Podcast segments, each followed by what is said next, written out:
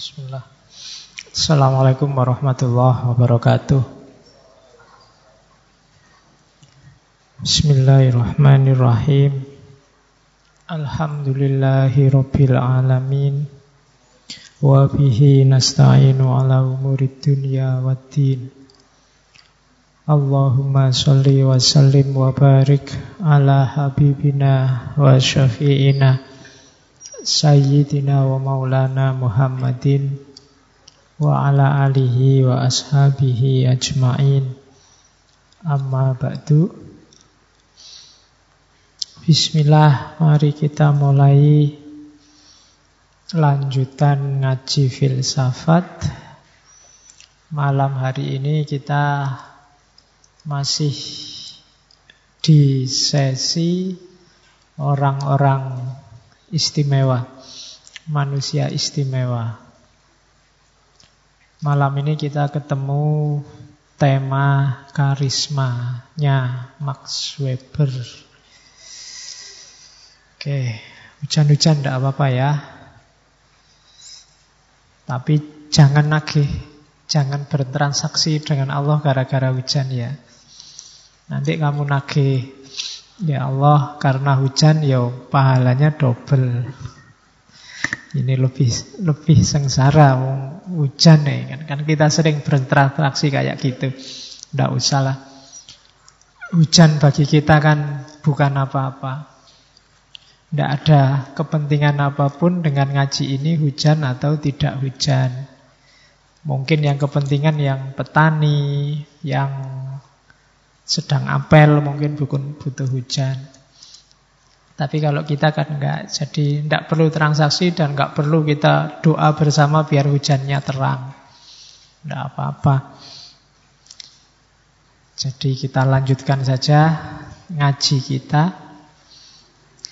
Uh, karisma ini kalau di kajian Islam mungkin setara dengan kajian tentang Imam Mahdi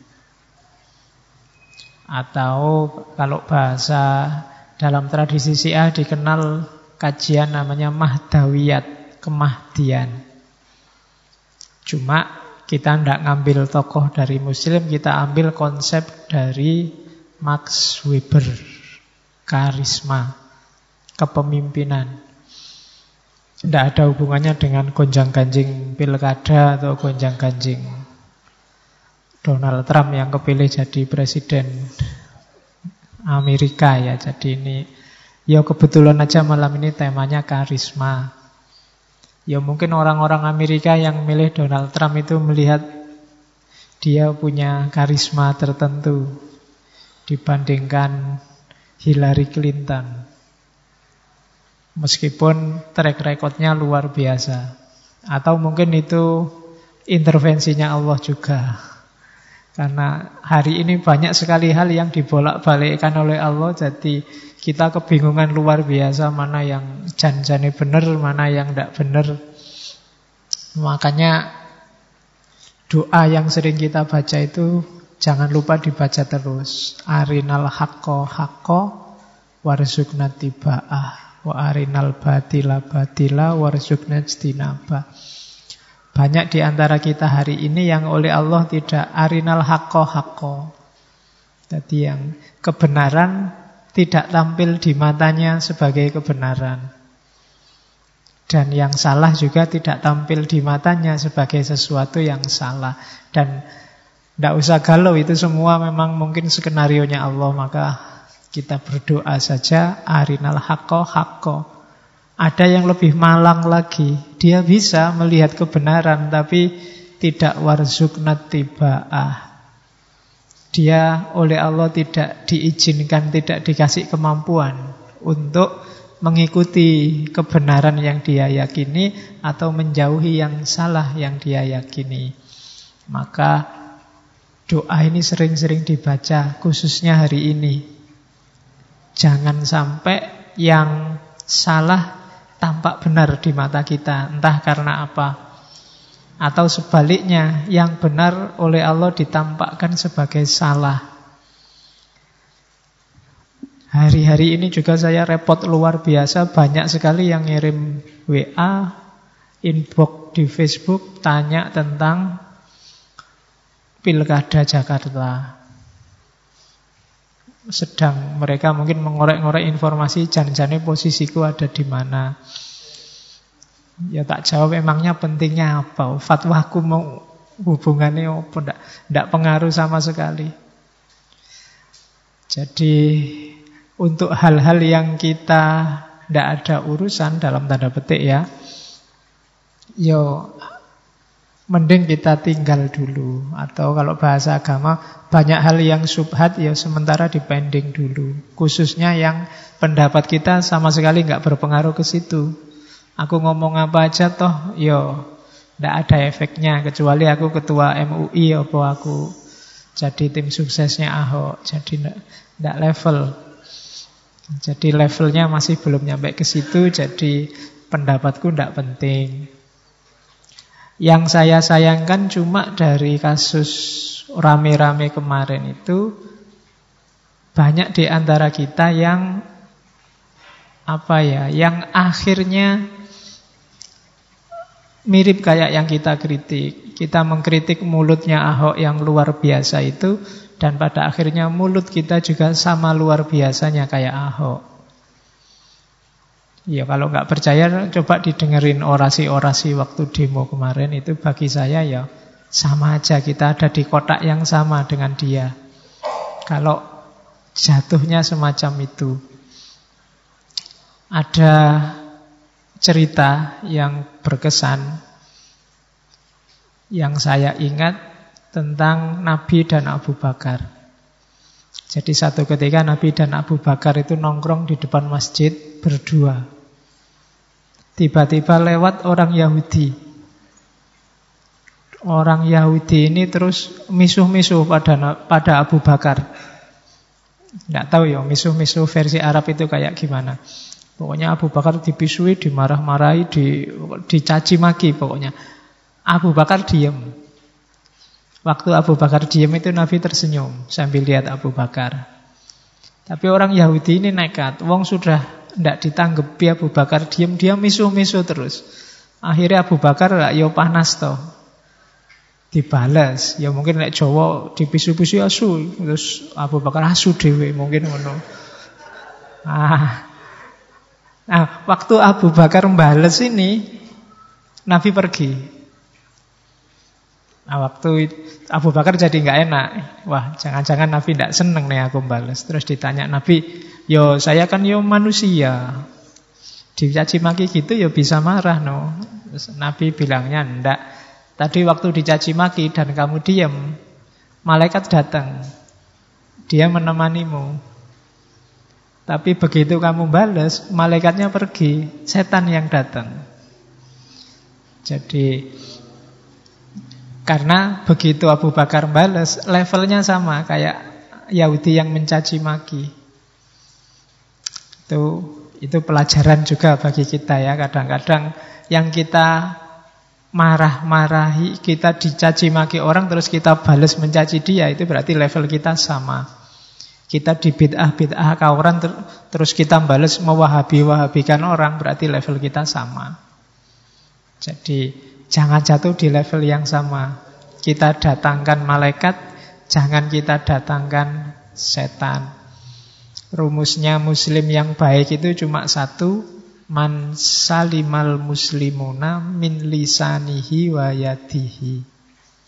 Jadi oh, kalau ada yang tanya muslim yang baik itu kayak gimana ya yang muslim yang lain itu aman. Kalau kamu datang dia merasa aman. Baik dari mulutmu atau dari perbuatanmu, dari tanganmu. Kalau kedatanganmu bikin orang khawatir, wah ini datang mesti ngomongin nyelekit. Wah dia datang mesti ngomongin rapenak. Wah dia datang mesti mesuh-mesuh, manas ke hati. Kalau kamu kayak gitu berarti kamu bukan muslim yang baik. Kalau kata-kata yang keluar dari mulutmu hasilnya adalah orang mangkel, orang kecewa, orang marah, orang tidak terima, berarti kamu bukan muslim yang baik.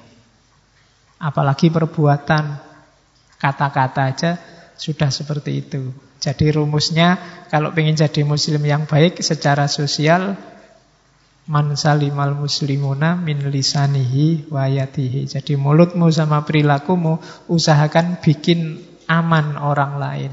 Karena kita manusia yang beriman. Satu akar kata antara iman dan aman. Oke, itu fatwaku bagi yang tanya sejak kemarin posisiku tentang Ahok gimana. iya, kesel aku ditakoni terus. Ada cerita lagi satu ketika Nabi sama Aisyah itu nongkrong di depan rumah. Ya rumahnya Nabi wae ning masjid.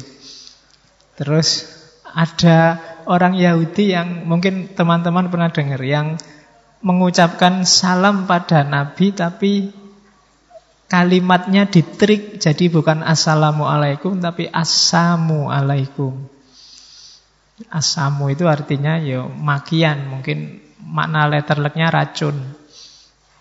Dan Nabi diem aja. Cuma Aisyah yang tidak kuat. Terus bales. Waalaikumsalam. Dan Nabi tidak berkenan dengan jawabannya Aisyah.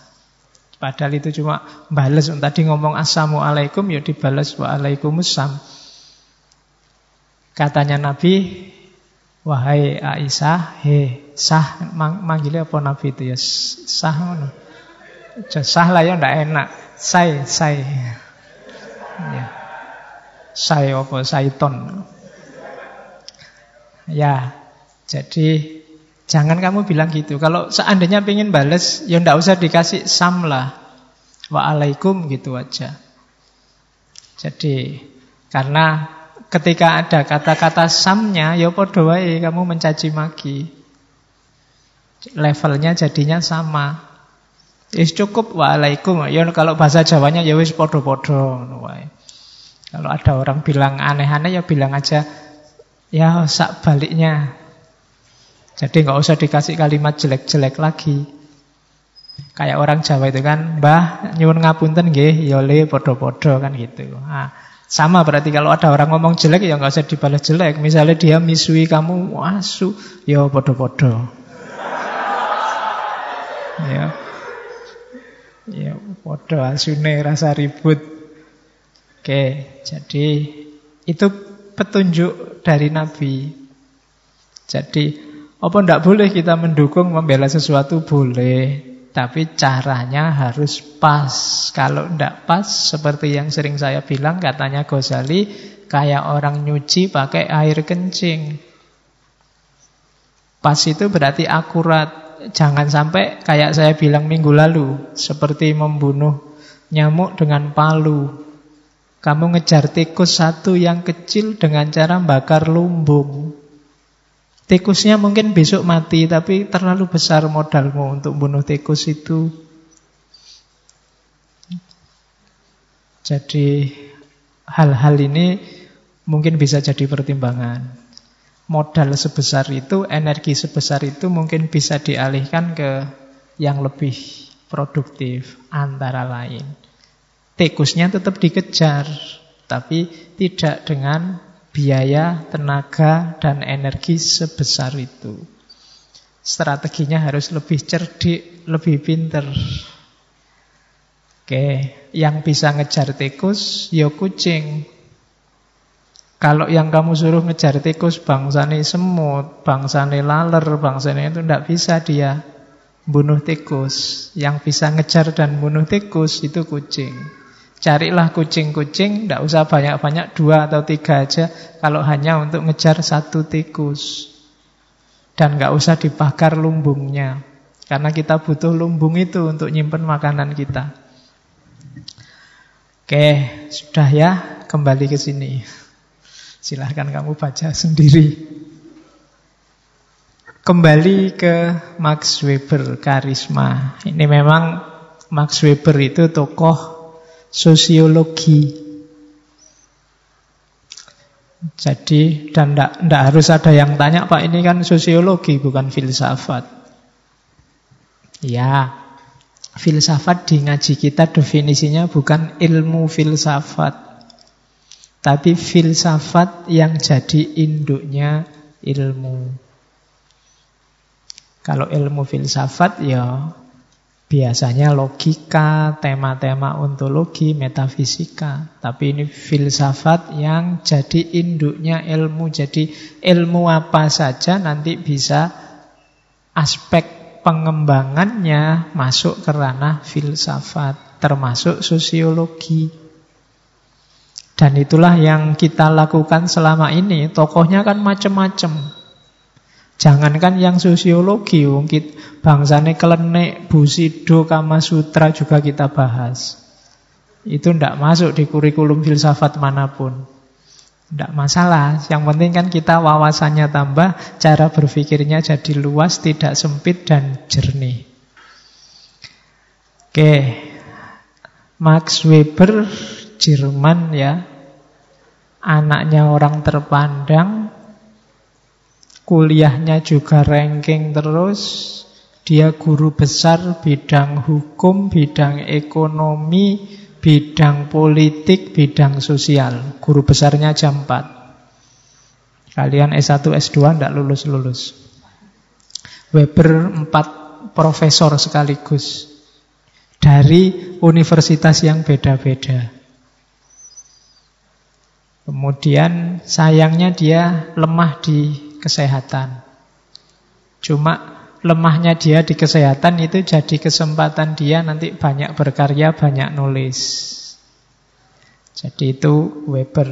Weber ini sering sakit apa ya? Nanti meninggalnya dia penyakit pneumonia, radang paru-paru. Tapi dia punya sakit saraf yang gampang lemes, gampang kalau disentuh sakit. Itu Weber di samping penyakit kecil-kecil yang lain. Oke, teorinya banyak. Dia seorang sosiolog yang dikenal dengan teori tindakan sosial. Weber beda sama Durkheim. Kapan-kapan kita ngomong Durkheim ya. Durkheim itu saya tidak tahu sebenarnya namanya sangat islami. Mungkin lengkapnya Abdurrahim terus sama Eh, loh iya loh, kamu cari di nama-nama barat tidak ketemu Durkheim. Tapi mungkin mungkin bapaknya kenal Islam apa gimana. Kalau di Jawa kan tadi Durkheim. Nah, mungkin terus neng Jerman tadi Durkheim. Kalau Durkheim kenyataan sosial itu sifatnya organis, jadi lebih tinggi dari individu. Tapi kalau di Weber enggak, dunia sosial itu ya dunianya individu. Yang namanya sosial itu perilaku individu, individu, individu yang sama. Jadi dia punya teori tindakan sosial. Apa sih tindakan sosial itu? Tindakan sosial itu tindakan yang melibatkan orang lain. Misalnya, saya pakai celana. Ini kalau saya pakai celana, kenapa kok pakai celana? Nanti di masjid banyak orang ya, kalau nggak pakai celana bisa kacau ini. Nah ini kan mempertimbangkan orang lain. Pakai celana ini tindakan sosial. Mungkin pakai celana bisa tindakan individual, nggak ada hubungannya sama orang lain. Misalnya kamu pakai celana, saya niatnya pakai celana ini biar rapi.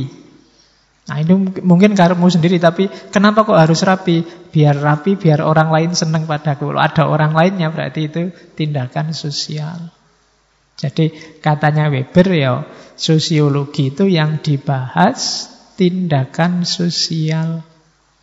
Jadi aktivitas-aktivitas individu di level sosial.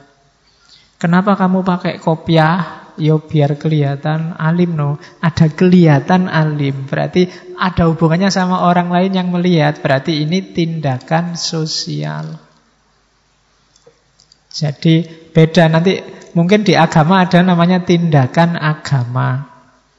Kalau tindakan agama ya berarti dasarnya agama, perintahnya Tuhan, fatwanya ulama. Kenapa kemarin tanggal 4 kamu ke Jakarta? Itu karena disebutkan dalam Al-Quran, nah itu tindakan agama. Tapi kalau ndak enak ya teman-teman berangkat semua, jamaah berangkat semua, ya aku ya mangkat. Ini namanya tindakan sosial. Ada hubungannya sama orang lain. Oke, kamu ngaji misalnya, ada yang nulis, kok kok ditulis tuh mas ceramahnya biar aku paham. Ini tindakan individual. Tapi kok ditulis biar kelihatan intelek dikit lah. Nah, itu tindakan sosial berarti nulismu. Jadi kalau nulisnya untuk dirinya sendiri itu tindakan individual. Tapi biar kelihatan oleh orang lain ini namanya tindakan sosial. Nah ini Weber beda nanti sama Durkheim. Kalau Durkheim, enggak. Dunia sosial itu ya dunia interaksi antar manusia itu. Bukan tindakan individual. Jadi dunia sosial itu dunia jaringan bareng-bareng. Itu namanya dunia sosial. Yang diomong dan dunia sosial itu lebih tinggi daripada dunia individual. Dunia jamaah masjid itu dunia sosial. Levelnya lebih tinggi daripada individu-individu. Ah, itu Durkheim. Tapi kalau Weber enggak, dunia sosial itu ya tindakan individu-individu yang berhubungan dengan dimensi sosial. Nah, ini Max Weber. Oke, nanti yang belajar sosiologi mesti ngerti. Nah, yang dilihat oleh Weber dalam teori-teorinya itu masyarakat barat modern. Jadi modern western society. Weber ini lahir 1864 abad 19 ketika barat sedang puncak-puncaknya modern dan sains sedang jaya-jayanya. Orang barat itu katanya Weber Hidupnya semakin lama semakin rasional. Bahasanya Weber, goal oriented rationality. Hidupnya semakin rasional, semakin praktis, pragmatis, nggak pakai bulat. Pingin apa? Ya ini yang harus dilakukan. Tidak harus muter-muter pakai dalil, tidak harus pakai tradisi, pakai analisis jelimet pakai filsafat yang muter-muter enggak. Orang barat cenderung pragmatis, goal oriented. Orientasinya hasil. Oke, pingin dapat pacar ya nembak lah. Langsung nggak kakean mikir Iya yo, aku nek ditolak piye anu. Ya nembak aja, kalau ditolak ya cari lagi, simple. Itu namanya goal oriented. Pingin cepat lulus, ya belajar. Ya segera digarap tesismu, skripsimu, itu goal oriented. Tidak kesuwen mikir. Sebentar Pak, sebentar dirancang dulu, dimulai ada kesuwen, wis garap wae. Orientasinya hasil nanti kalau ada hasilnya bagus apa jelek baru dinilai kalau jelek ya direvisi kalau bagus ya diajukan terus. Ini gaya modern, pragmatis.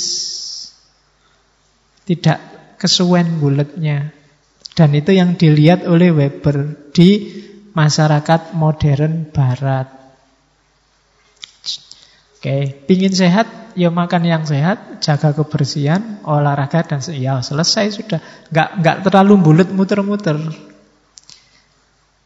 Dan ini pergeseran paradigma dari sebelumnya. Kalau sebelumnya Cara berpikir barat itu dipengaruhi tradition, affection, affection itu perasaan, dan value oriented rationality. Rasionalitas yang basisnya nilai, bukan goal. Kalau orang dulu, mungkin sekarang di timur masih seperti ini, jadi value oriented. Yo nembak, yo nembak, tapi yo dipikir dulu itu baik apa buruk Cocok ndak sama tatanan di sini? Sopan ndak langsung tiba-tiba nembak? Nah, itu value oriented. Nilainya dibahas juga, ndak ujuk-ujuk nembak. Kalau salah tembak gimana? Kalau bagi masyarakat jelek gimana? Kalau tidak pantas gimana? Lahirnya bisa kontraproduktif. Ah, itu value value oriented. Affection main perasaan. Ya tidak enak lah, tidak pantas lah. Nah itu affection. Tapi kalau barat modern itu tidak lah. Ya perasaan nanti lah. Yang penting kan tujuannya kena. Tidak pantas, tidak apa-apa, tapi kan boleh, sah. Nah itu itu goal oriented. Oke. Dan tradition, tradition itu ya biasanya bagaimana? Kebiasaan yang jalan bagaimana? Jadi sebelum modern orang itu hidupnya dipengaruhi oleh tradisi, afeksi, dan nilai. Biasanya bagaimana, pantas tidaknya bagaimana, dan nilai yang jadi pijakannya apa. Biasanya minum di ngaji ini satu gelas, ya kamu satu gelas. Kalau sudah habis ya wis. Meskipun kamu haus, ndak enak ngapek nih. Nah, itu tradition. Affection juga ndak enak tak miring ngelirik terus ya mau ngambil lagi. Jangan-jangan nah, perasaan aku nanti. Nah, itu kan. Terus value nilai, wah nilai. Nilai itu ya dasar. Masa ya pantasnya itu ya kalau mau minum banyak-banyak ya ke sini besok bawa jajan juga biar imbang asih ya, itu, itu value nilai ada nilai harmoni nilai kepantasan ada rasa ada tradisi main ini dulu katanya Weber tapi semakin orang modern semakin goal oriented tujuannya minum ya biar ndak haus kalau ndak haus aku ndak usah ngambil minum, tapi kalau aku sangat haus dua gelas ya ndak apa-apa. Rasional-rasional saja. Tujuannya makan ya biar nggak lapar. Kalau sedang sangat lapar sampai dua piring ya ndak apa-apa, memang masih lapar. Tapi tradisi sebelumnya itu ya pertimbangan kebiasaannya bagaimana. Kadang-kadang kita makan itu kan juga kebiasaan. Pokoknya sehari tiga kali, itu kebiasaan namanya. Kadang-kadang mulai pagi sampai jam 12 nyemil, terus begitu jam 12, ah waktunya makan ini. Padahal ya perutmu mungkin masih penuh, tapi kan sudah jam waktu makan, ya kamu makan. Itu tradition. Kebiasaannya begitu. Jadi kenapa kamu makan siang? Karena biasanya begitu. Bukan karena siang hari kamu sudah lapar. Affection juga begitu, urusannya rasa, lagi-lagi pakai rasa dan value. Jadi yang dilihat oleh Weber sekarang masyarakat barat yang semakin modern. Dan ini kayak banyak filosof barat yang lain bahwa sejarah itu berkembang ke arah yang lebih rasional. Kayak Hegel itu kan dia juga bilang sejarah berkembang ke arah yang lebih rasional. Darwin dengan evolusinya juga melihat organisme itu berkembang ke arah yang lebih rasional. Jadi tidak usah galau kalau ada peristiwa konflik macam-macam, tabrakan antar pemikiran, percayalah besok yang survive adalah yang lebih rasional. Yang tidak rasional akan tergilas. Nah itu katanya Weber. Jadi social action yang fokus umumnya pada masyarakat barat dan cirinya adalah goal oriented rationality meninggalkan tradition, affection dan value oriented. Meskipun hari ini orang barat sedang berusaha mengembalikan lagi tradition, affection dan value orientednya dalam banyak kajian. Makanya kajian-kajian model timur marak lagi. Kajian-kajian model New Age, spiritualitas baru marak lagi. Karena mungkin orang capek goal oriented. Sekarang mulai didengungkan bahwa hasil itu tidak lebih penting daripada proses. Nah, itu nanti hubungannya sama nilai. Itu barat hari ini. Sementara kita baru mau goal oriented. Barat sudah ingin meninggalkan goal oriented. Nah, ya tidak apa-apa, nanti yang kita tinggal diambil oleh Barat, terus kita pakai miliknya Barat. Terus kita rindu lagi pada milik kita yang lama. Terus Barat pingin lagi dengan ya, rasionalitasnya yang lama. Ya wis, itu bagi Ibnu Khaldun ya sejarah itu memang kayak gitu, muter.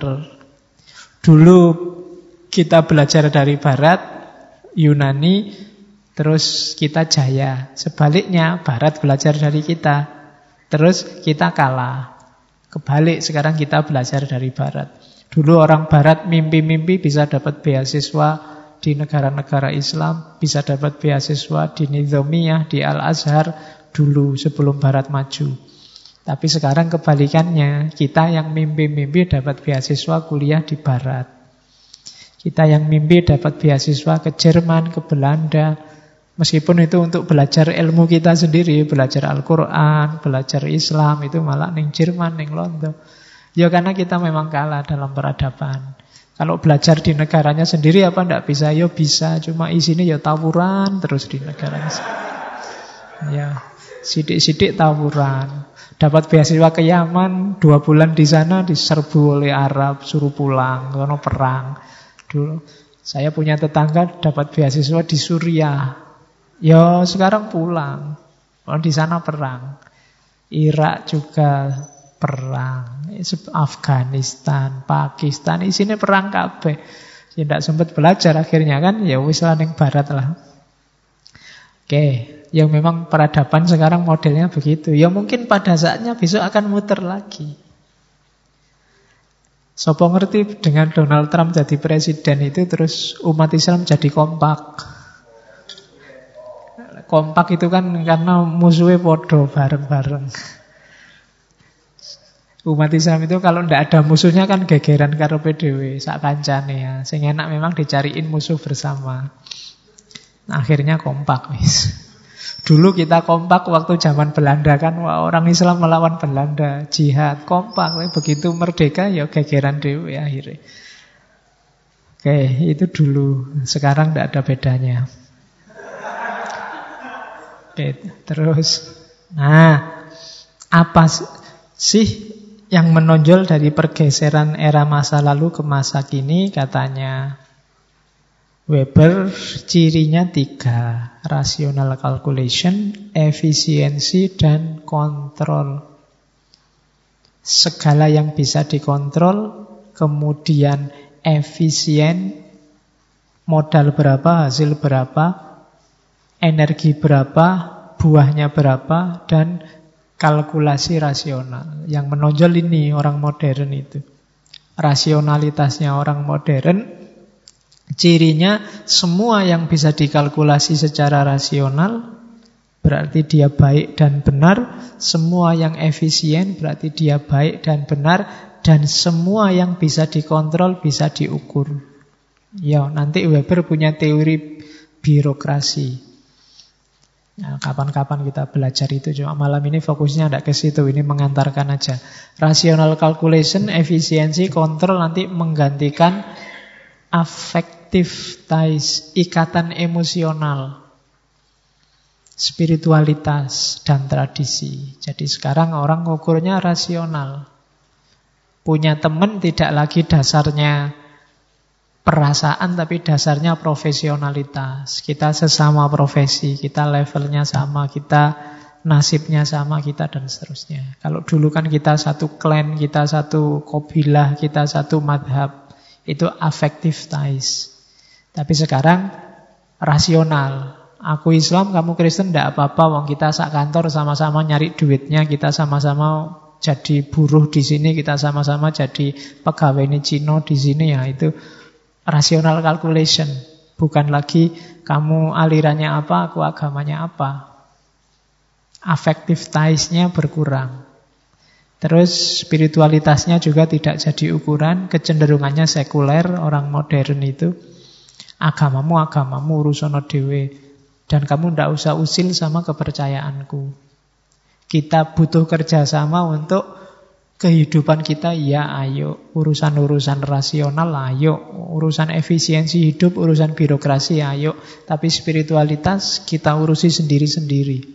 Kamu nggak usah usil aku kunut apa ndak kunut aku teraweh apa ndak teraweh itu urusanku spiritualitas ya.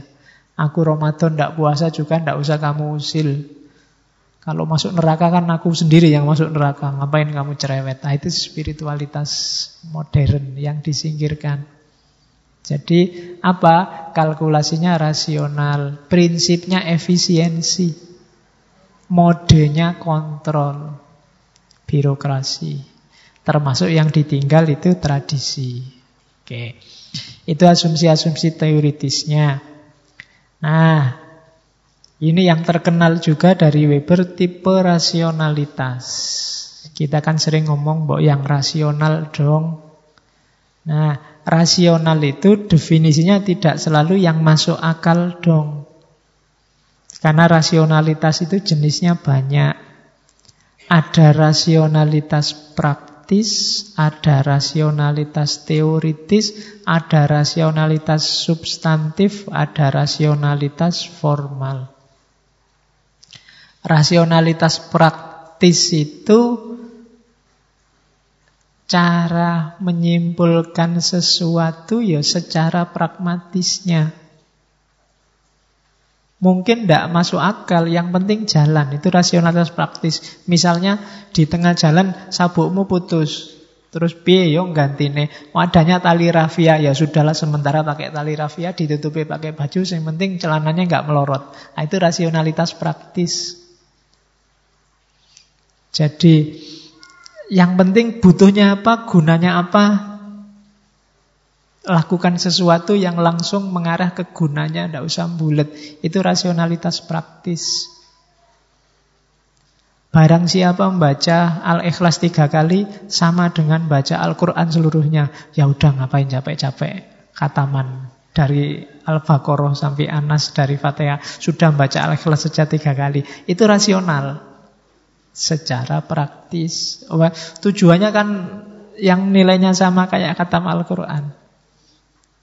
Jadi segala yang kita lakukan dengan fokus pada tujuannya. Bukan dasar-dasar rasional, dasar-dasar epistemologis, dasar-dasar aksiologisnya. Yang penting tujuannya apa? Itu rasionalitas praktis namanya. Lawannya rasionalitas teoritis.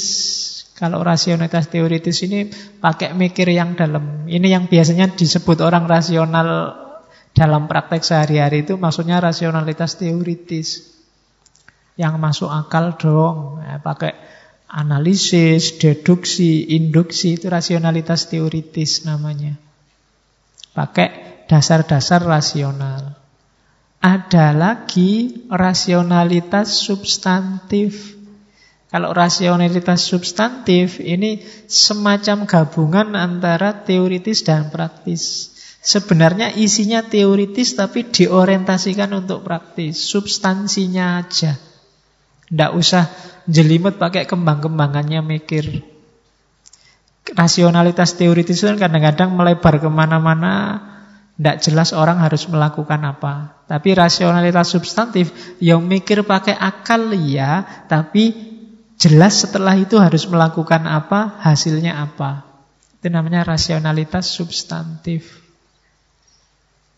Bukan sekedar teoritis atau tidak ujuk-ujuk praktis. Tapi semacam gabungan dari keduanya namanya rasionalitas substantif. Ada lagi yang ketiga namanya rasionalitas formal. Rasionalitas formal itu kayak kamu memenuhi aturan. Misalnya kuliah pakai sepatu, itu kan mungkin secara teoritis kamu susah nyambungnya. Hubungannya apa Pak kuliah sama sepatu? Apa kalau nggak pakai sepatu ilmunya nggak bisa masuk? Kamu kan judek mikir itu sejak dulu mau protes tapi rawani. Nah, lu jangan khawatir kalau kamu pakai sepatu, itu ya tetap rasional kok. Namanya apa? Rasionalitas formal. Karena mungkin di kampusmu ada aturan formal yang mewajibkan mahasiswa harus pakai sepatu. Tidak boleh pakai kaos oblong misalnya. Cuma tidak ada larangan celana. Jadi Kuliah harus pakai celana itu kelihatannya tidak ada. Harus pakai sepatu yang ada. Jadi kamu boleh besok kuliah nggak pakai celana. kan nggak ada aturannya, nggak pakai celana, pakai baju yang bagus dan ya pakai sepatu. Oke, itu rasionalitas formal namanya.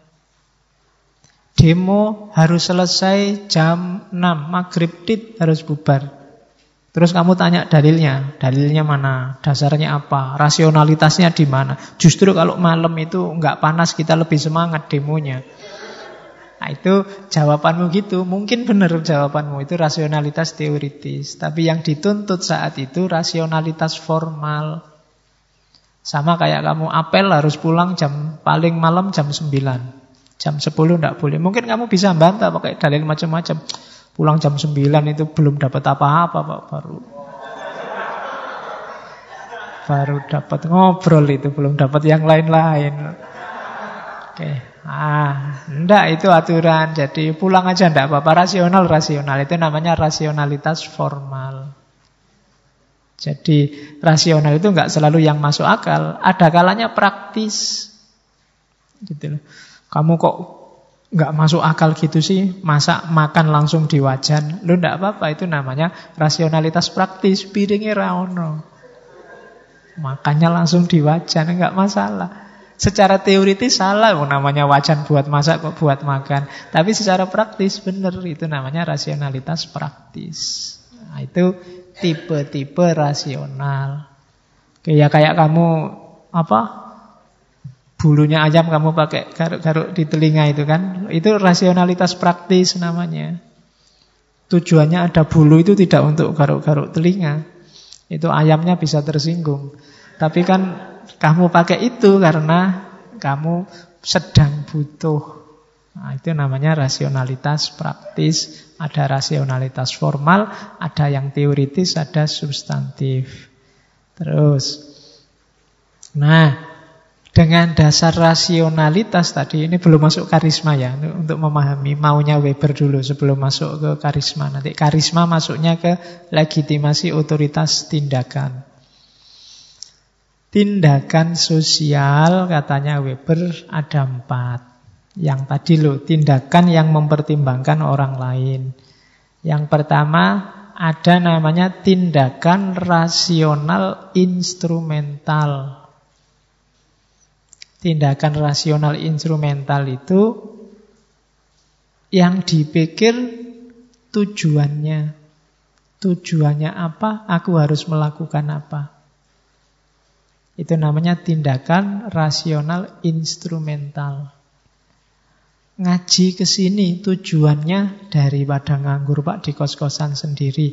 Nah, itu rasional instrumental. Begitu nyampe sini kok sepi, ah podo sepi nih ternyata berarti kamu salah. Rasional instrumental itu benar salahnya dilihat kesesuaian antara yang kamu inginkan dengan hasilnya. Misalnya haus sekali Pak, ya minum. Nah, Haus dan minum ini kan ada hubungannya. Maka tindakanmu ketika haus terus minum itu namanya rasionalitas instrumental. Contohnya ya kita minum sekarang.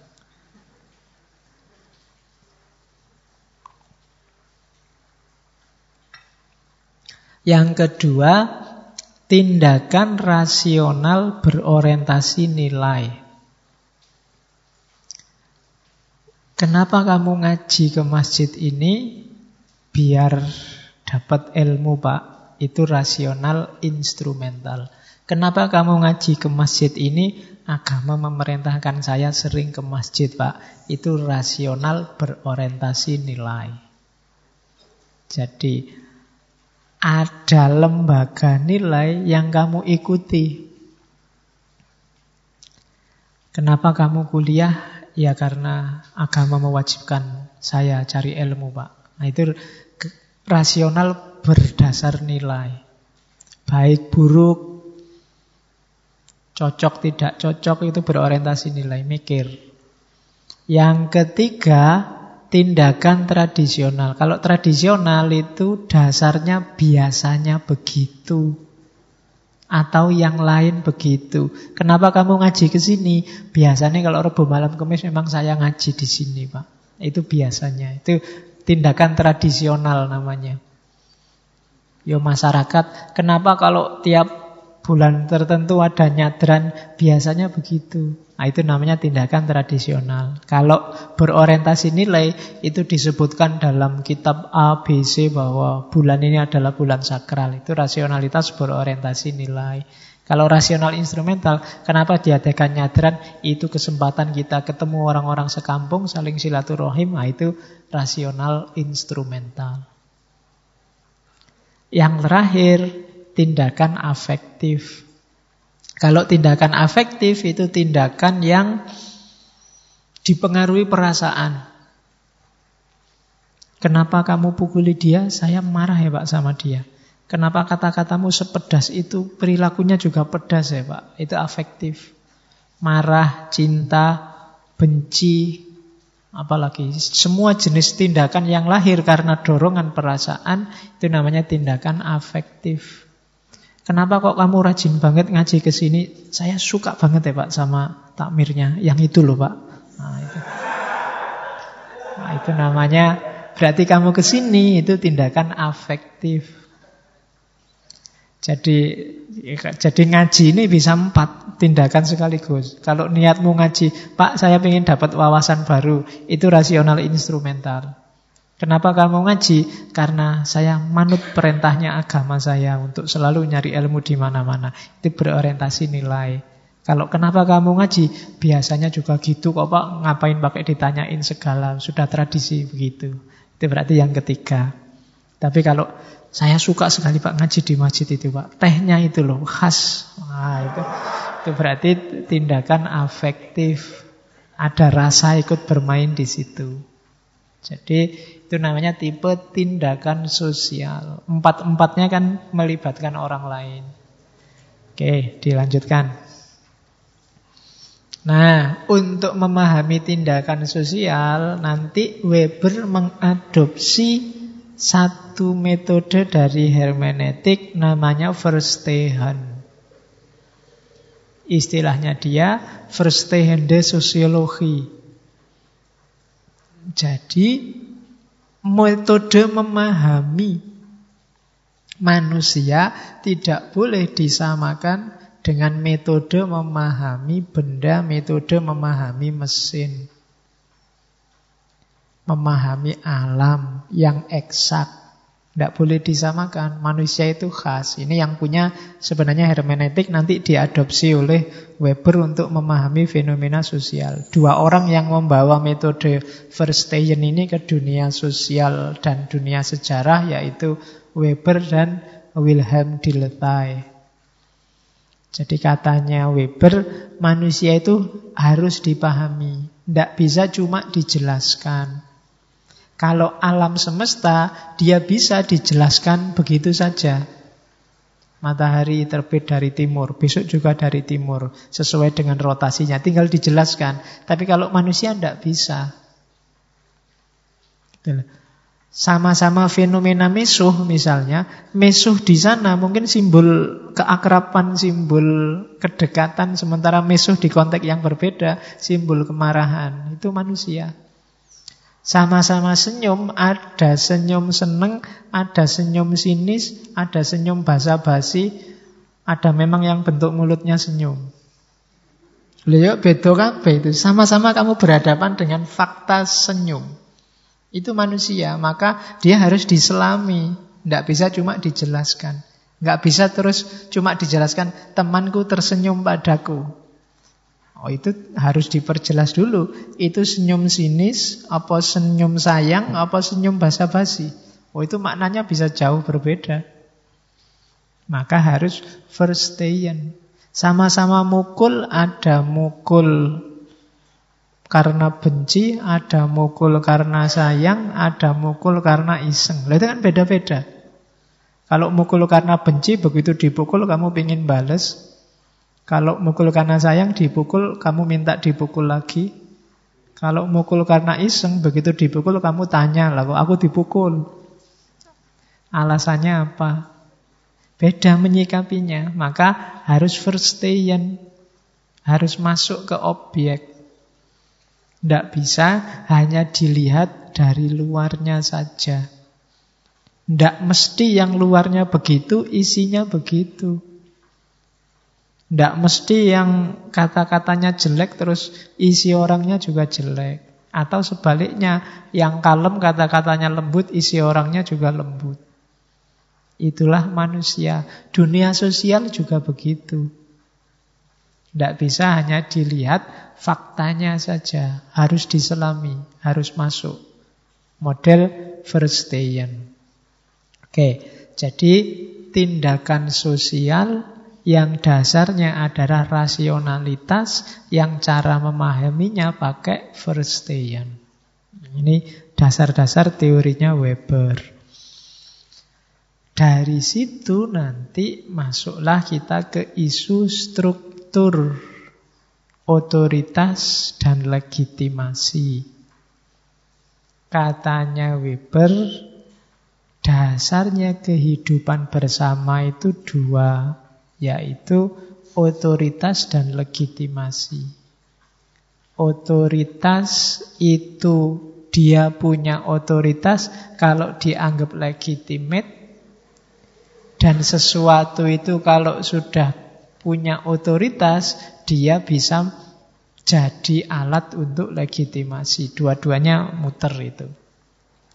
Nah, Jenisnya otoritas itu ada tiga katanya Weber. Ada otoritas tradisional, ada otoritas legal, ada otoritas karismatik. Baru kita masuk ke karisma.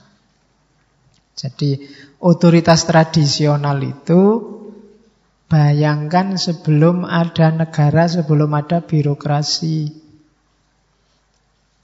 Fokusnya pada individu, pada seseorang, pada tokoh, pada tradisi.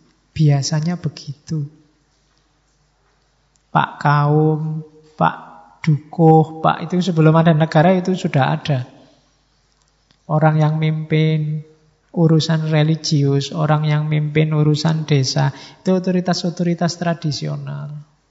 Ketua suku itu otoritas-otoritas tradisional yang sebelumnya memang menguasai. Dasarnya bukan rasional, dasarnya ya tradisi, afeksi, seperti yang disebut di atas. Jadi strukturnya struktur lama. Ada yang modern namanya otoritas legal. Kalau otoritas legal itu ya yang sah secara birokratis hari ini. Hari ini kan ada lembaganya, ada administrasinya, ada undang-undangnya. Nah, ini yang yang punya otoritas yang ini. Orangnya hanya pelaksananya. Itu namanya otoritas legal. Kita tidak boleh menentang Pancasila. Itu Pancasila jadi punya otoritas legal. NKRI harga mati. Nah, itu otoritas legal. Ya, meskipun Sebaiknya kita ganti jangan harga mati ya, NKRI harga hidup aja. Biar hasilnya tidak mati-matian kita. Biar enak, kayak Indonesia tanah airku, tanah tumpah darahku, itu kan tidak enak. Konotasinya darahnya tumpah terus. Kita NKRI harga hidup kita. Yang ketiga yang kita bahas hari ini, otoritas karismatik. Karisma yang jadi tema kita hari ini. Apa itu karisma? Mulai ya, sudah jam 9 baru masuk karisma. Oke, karisma itu bukan karisma kapur atau karisma Honda ya. Ngertimu cuma itu. Ya. Jadi karisma itu semacam seseorang, semacam seseorang orang yang dianggap punya daya tertentu dalam dirinya dan kemampuan daya tertentu ini dipercaya oleh para pengikutnya sehingga mereka tunduk pada dia yang punya karisma. Gampang-gampangannya itu. Karisma ini individu yang punya. Jadi Karisma itu orang tunduk tanpa harus dipaksa oleh aturan, tanpa harus dipaksa oleh kekerasan, oleh kekuatan, tapi mereka tunduk gara-gara melihat karisma di orang ini. Jadi semacam kalau Weber mengartikannya semacam daya spiritual, semacam magical power. Entah dari mana Weber enggak, makanya tadi saya omong kalau di agama mungkin hubungannya sama Imam Mahdi, kalau di Jawa mungkin lebih dekat dengan konsep Ratu Adil. Contohnya banyak, ya termasuk Dimas Kanjeng Taat pribadi itu bagi pengikutnya dia punya kualitas tertentu meskipun ketika sekarang sadar baru tahu. Ya Weber nggak ngomong mana karisma yang sesat, mana karisma yang lurus. Ya. Weber cuma ngomong ada gejala sosial namanya karisma. Orang yang dianggap karismatik ini, dia ngomong apa aja dianggap kebenaran. Dia tidak usah merentah sampai capek, umatnya otomatis ngikut. Bahkan sebelum dia merentah, umatnya nafsir sendiri apa yang dimaui oleh pimpinanku ini. Jadi Dayanya sifatnya supranatural. Dalam tanda petik, dalam bahasanya Weber. Mungkin Weber melihat gejala-gejala ini banyak dalam tradisi-tradisi timur. Dan contohnya banyak. Bagaimana kekuatan karismatik ini dimanfaatkan untuk revolusi sosial. Untuk melakukan dobrakan-dobrakan terhadap tatanan yang mapan. Dengan bekal klaim karisma ini, oh dia perjuangannya jadi dahsyat, banyak yang sukses. Pangeran Diponegoro dulu, kenapa kok banyak sekali orang Jawa yang mau jadi prajuritnya untuk berperang melawan Belanda, dia punya karisma. Tanpa harus dia teriak-teriak merintah kampanye, tanpa harus nyebar Facebook atau WA. Itu orang Jawa manut semua diajak perang oleh Pangeran Diponegoro. Dia punya karisma. Oleh orang Jawa dia dianggap Imam Mahdi. Dia laku spiritualnya kuat. Dan bisa menunjukkan bukti bahwa dia konsisten dengan visinya. Itu karisma. Dalam sejarah Islam juga banyak kan yang diposisikan jadi Imam Mahdi. Yang terkenal di Indonesia ada Ahmadiyah dengan Mirza Ghulam Ahmad. Ada Lia Aminuddin.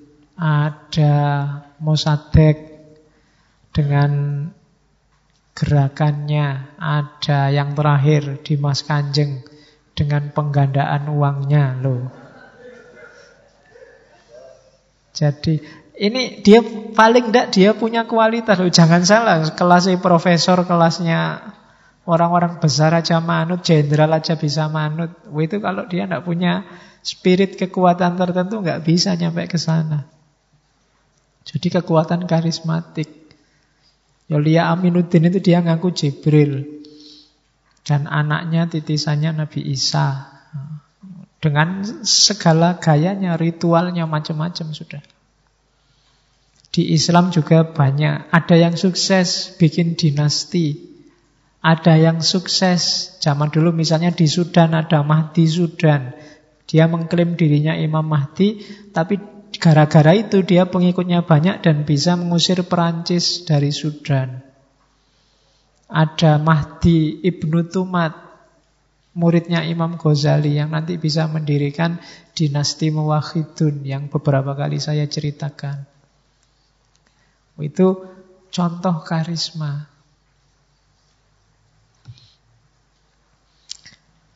Seorang karisma dengan perjuangannya cirinya lima biasanya. Yang pertama, dia dianugerahi kemampuan luar biasa. Harus ada ininya. Kalau nggak punya ini, tidak akan orang percaya. Harus kelihatan keluar biasaannya dia. Ibnu Tumat itu pernah satu ketika dilemparkan dari atas kapal ke tengah laut. Tapi dia tidak tenggelam dengan santainya renang sampai pantai. Itu kok tengah laut dulu bisa renang sampai pantai, nyampe nya bareng sama kapalnya. Itu Ibnu Tumat. Itu kan umatnya semakin percaya. Wah, ampuh tenan nih berarti. Loh ya persis kayak Dimas Kanjeng, tangannya ditaruh di belakang aja ke depan, hasilnya uang terus loh.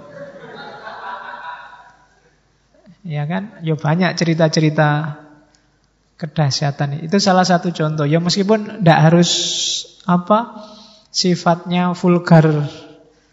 Kadang-kadang juga sifatnya intrinsik, tidak kelihatan. Mungkin kata-katanya bikin orang tergetar. Itu juga sejenis kemampuan luar biasa.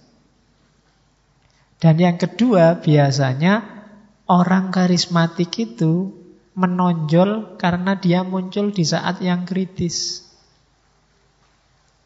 Kalau situasi biasa-biasa, ndak dia ndak menonjol.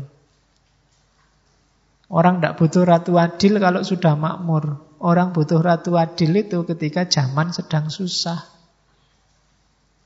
Lahirnya dinasti Muwahidun itu ketika dinasti Murabidun sedang krisis. Lahirnya Mahdi Sudan itu ketika Sudan sedang dijajah oleh Perancis. Pangeran Diponegoro dia jadi sedahsyat itu karena Belanda bikin banyak krisis di Jawa. Jadi dia munculnya dalam keadaan krisis. Kalau situasi aman dan normal ya orang tidak terlalu butuh dengan manusia luar biasa. Superman itu kan kalau sedang ada penjahat baru dia datang. Kalau nongkrong-nongkrong di warung tidak mungkin dia datang. Tidak mungkin tiba-tiba Batman muncul di angkringan itu tidak mungkin. Tapi kalau sedang ada copet, ada perampokan, dia muncul. Jadi ya gambarannya kan begitu. Yang punya karisma, yang punya kekuatan luar biasa. Yang ketiga, dan dia mampu mengatasi krisis itu. Dengan cara yang unik, radikal, luar biasa, yang tidak terbayangkan. Orang sudah putus asa ngatasi situasi kayak gini nggak mungkin. Tapi sosok karismatik ini mampu mengatasi krisis. Akhirnya percaya, paling tidak krisis individual masing-masing pengikutnya. Sehingga masyarakatnya percaya, jamaahnya sedang dililit utang, tiba-tiba dijanjikan Tenang aja, duitmu berapapun tak gandain. Oh itu kan mengatasi krisis tanpa krisis. Versi Dimas Kanjeng. Jadi dia bisa semacam itu. Sehingga followernya percaya. Pengikutnya jadi percaya. Kemudian mempesona, menarik. Dan dipercaya oleh pengikutnya. Itu syaratnya. Sejago apa pun Ratu Adil, manusia karismatik atau Imam Mahdi kalau tidak punya pengikut, ya dia nggak jadi Ratu Adil. Dia jadi Ratu Adil itu karena diakui oleh para pengikutnya. Tidak ada Ratu Adil kok sendirian. Sayalah Ratu Adil, dewean. Tidak ada yang ngakui, ya tidak mungkin. Harus ada pengikutnya. Dan yang terakhir, dia bisa membuktikan kebenaran gagasannya, kebenaran ide-idenya. Enggak cuma ngomong, tapi dia bisa, ini loh yang tak omongkan itu sukses jadi. Perjuangan kita sukses sekarang bisa berdiri dinasti. Nah itu karisma.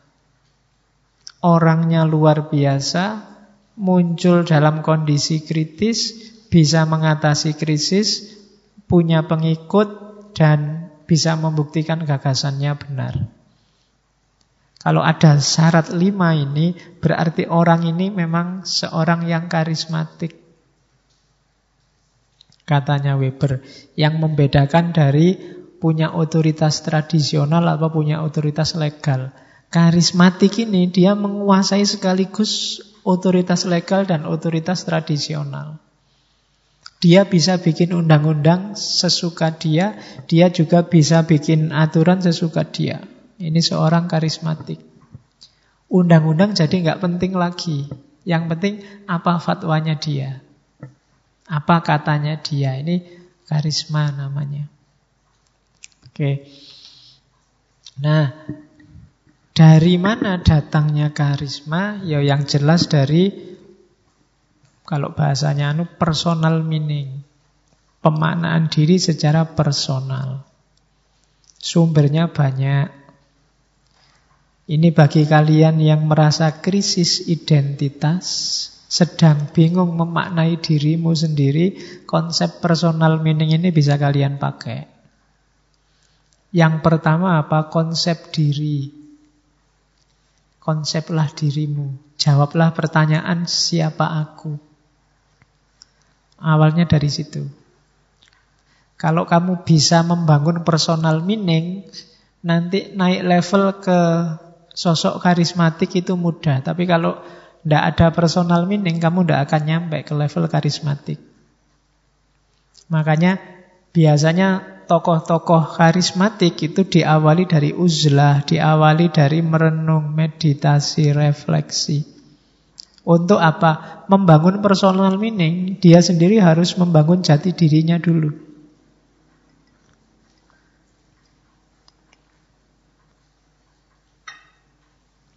Yang pertama itu konsep diri. Konsep diri ini penting ya, semua orang harus punya. Kalau enggak, kamu enggak bisa mengembangkan dirimu.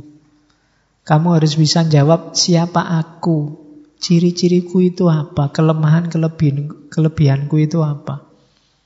Kalau kamu tidak bisa jawab ini, ya kamu tidak akan bisa naik kelas. Baik kelas individual maupun kelas sosialmu. Harus kenal. Ada kalanya personal meaning itu sifatnya warisan. Tidak apa-apa. Anak kiai loh, itu warisan. Mau gak mau kamu harus menanggung beban identitas sebagai putranya kiai. Anaknya guru, itu warisan. Keturunannya bangsawan loh, itu warisan. Mau gak mau beban itu kamu sandang. Jadikan modal untuk personal meaning. Itu murite wali loh. Ya, itu juga warisan, jenisnya warisan. Jadi dapat dari orang lain, dari gurumu itu warisan juga. Ini bisa membangun personal meaning, makna hidupmu. Ada kalanya personal meaning itu dibangun atas dasar altruistik. Dasar altruistik itu, altruisme itu kan lebih mementingkan orang lain daripada dirimu sendiri. Misalnya gini altruisme itu, aku ini bukan apa-apa, aku hanya pelayannya umat. Nah, itu sebenarnya membangun citra dirinya sendiri, membangun konsep dirinya sendiri dengan cara altruistik. Jadi yang didahulukan temannya. Aku ini hanya takmir, bukan dirinya tapi takmirnya yang disebut untuk menunjukkan bahwa dia lebih mementingkan pengabdian di masjid daripada kepentingannya sendiri. Nah, itu namanya altruisme. Bisa juga untuk membangun personal meaning. Aku ini kan hanya penggembala umat, kan ada yang kayak gitu. Nah, itu altruistik. Silahkan dipakai untuk personal meaning. Ada yang berasal dari budaya atau tradisi. Aku ini orang Jawa loh, mbok sing jawani. Nah, itu membangun personal meaning dari aspek budaya dan tradisi. Ada yang berdasarkan orientasi sosial atau politik. Aku NU lo, aku Muhammadiyah lo, aku FPI lo. Nah, itu orientasi sosial. Aku PKB lo, itu orientasi sosial politik. Ini bisa juga untuk membangun personal meaning, makna dirimu. Siapa kamu? Atau dari spiritualitas. Spiritualitas itu berarti kedalaman batinmu kamu gali sendiri. Atau formalisme agama. Atau hobimu, kesenanganmu. Aku ini pemancing loh, senengannya mancing. Persoalan.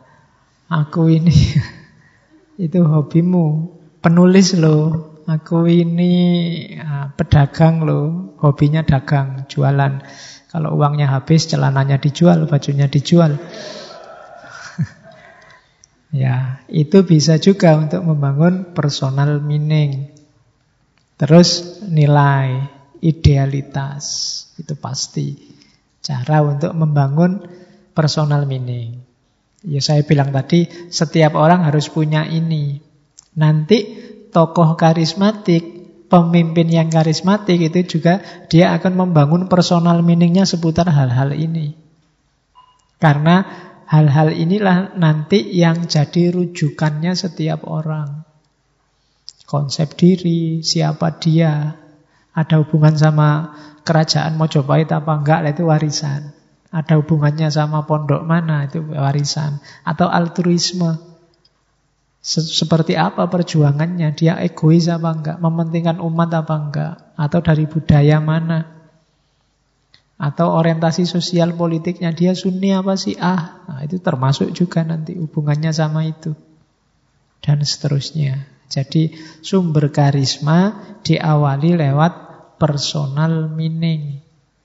Semakin kuat personamu, semakin kamu mudah untuk meraih simpati dari followermu. Jangan jadi orang cair. Orang cair itu sering kejebak dengan kecairannya sendiri. Kamu NU apa Muhammadiyah apa HTI apa FPI? Wah, saya tidak di mana-mana. Wah, itu susah. Kamu membangun personal meaningmu agak susah. Mending tegas saja. Saya FPI. Wah, itu tegas namanya. Loh, personmu jelas, orang menyikapimu juga enak. Oh, berarti ini nanti pemimpin karismatik, calon pemimpin karismatik dari FPI yang kayak ini. Nah, itu jadi caranya begitu, membangun personal meaning. Aku adalah santri teladan. Nah, itu kan personal meaning namanya. Enak, identitasnya jelas. Tapi kalau identitasmu nggak jelas, saya mengalir aja lah Pak. Saya ya susah, nggak mungkin jadi pemimpin kamu. Jadinya cuma follower. Ya kamu nanti yang ngikuti orang-orang yang karismatik tadi. Jadi ya monggo kalau mau cair, cuma ya resikonya kamu tidak akan jadi pemimpin. Kamu hanya akan jadi follower. Oke, Pemimpin itu yang karismatik, dia pasti visioner.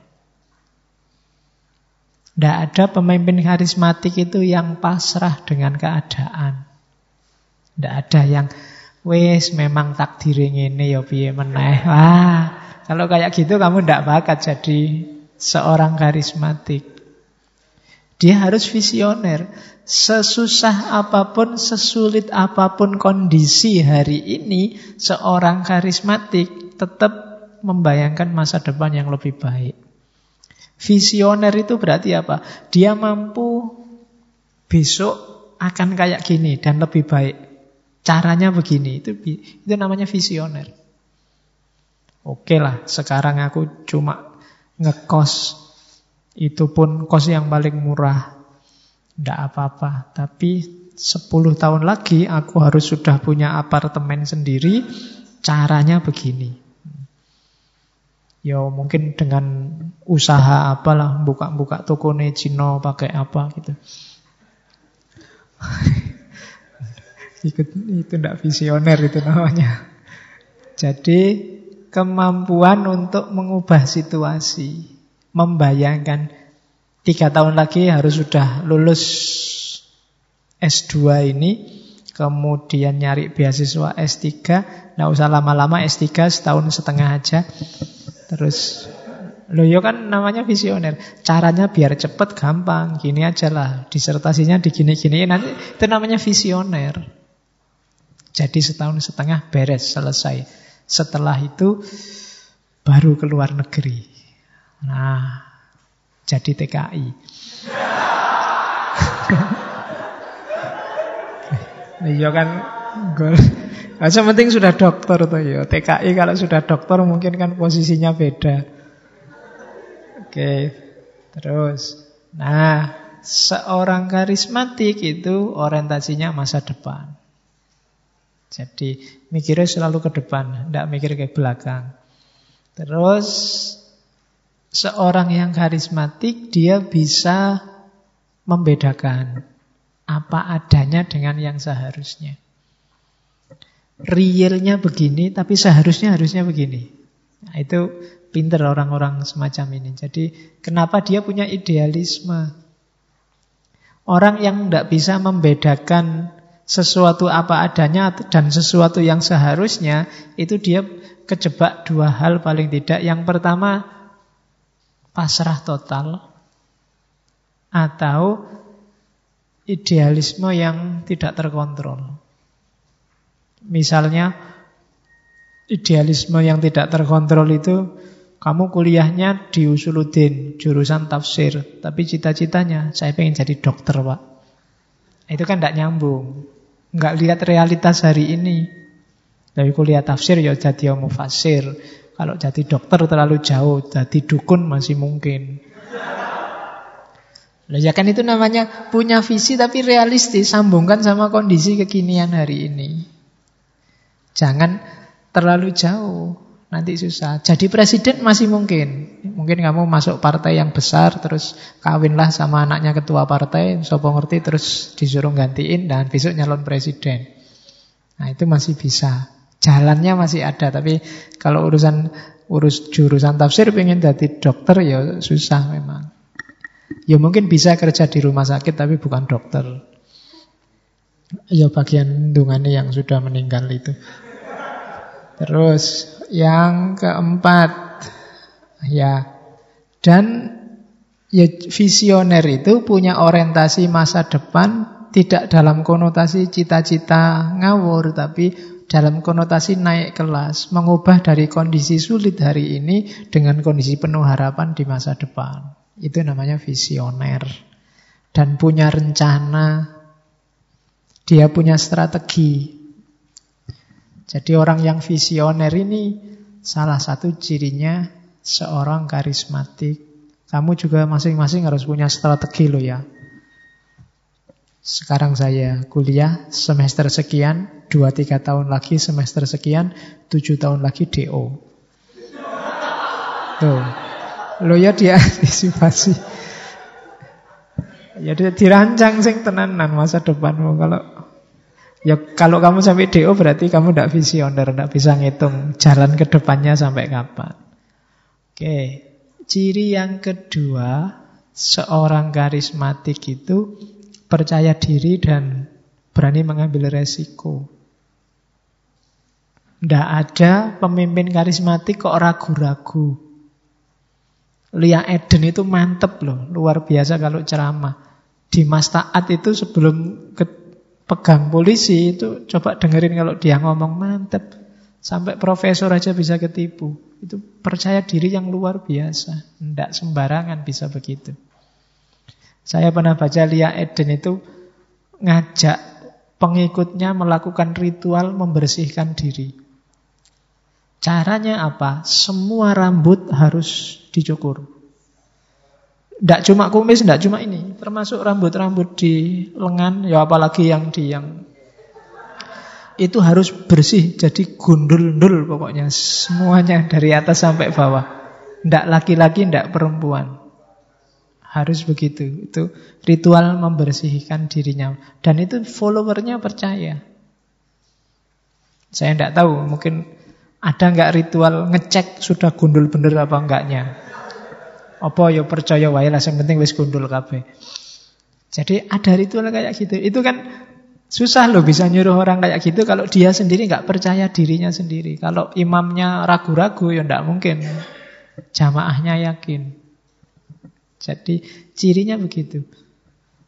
Ya dulu ada orang yang ngaku Imam Mahdi di Mekah. Salah satu Mahdi Sunni. Saya punya banyak tulisan tentang klaim-klaim Mahdi yang dari Sunni. Ada orang namanya Muhammad bin Abdullah Al-Qahtani.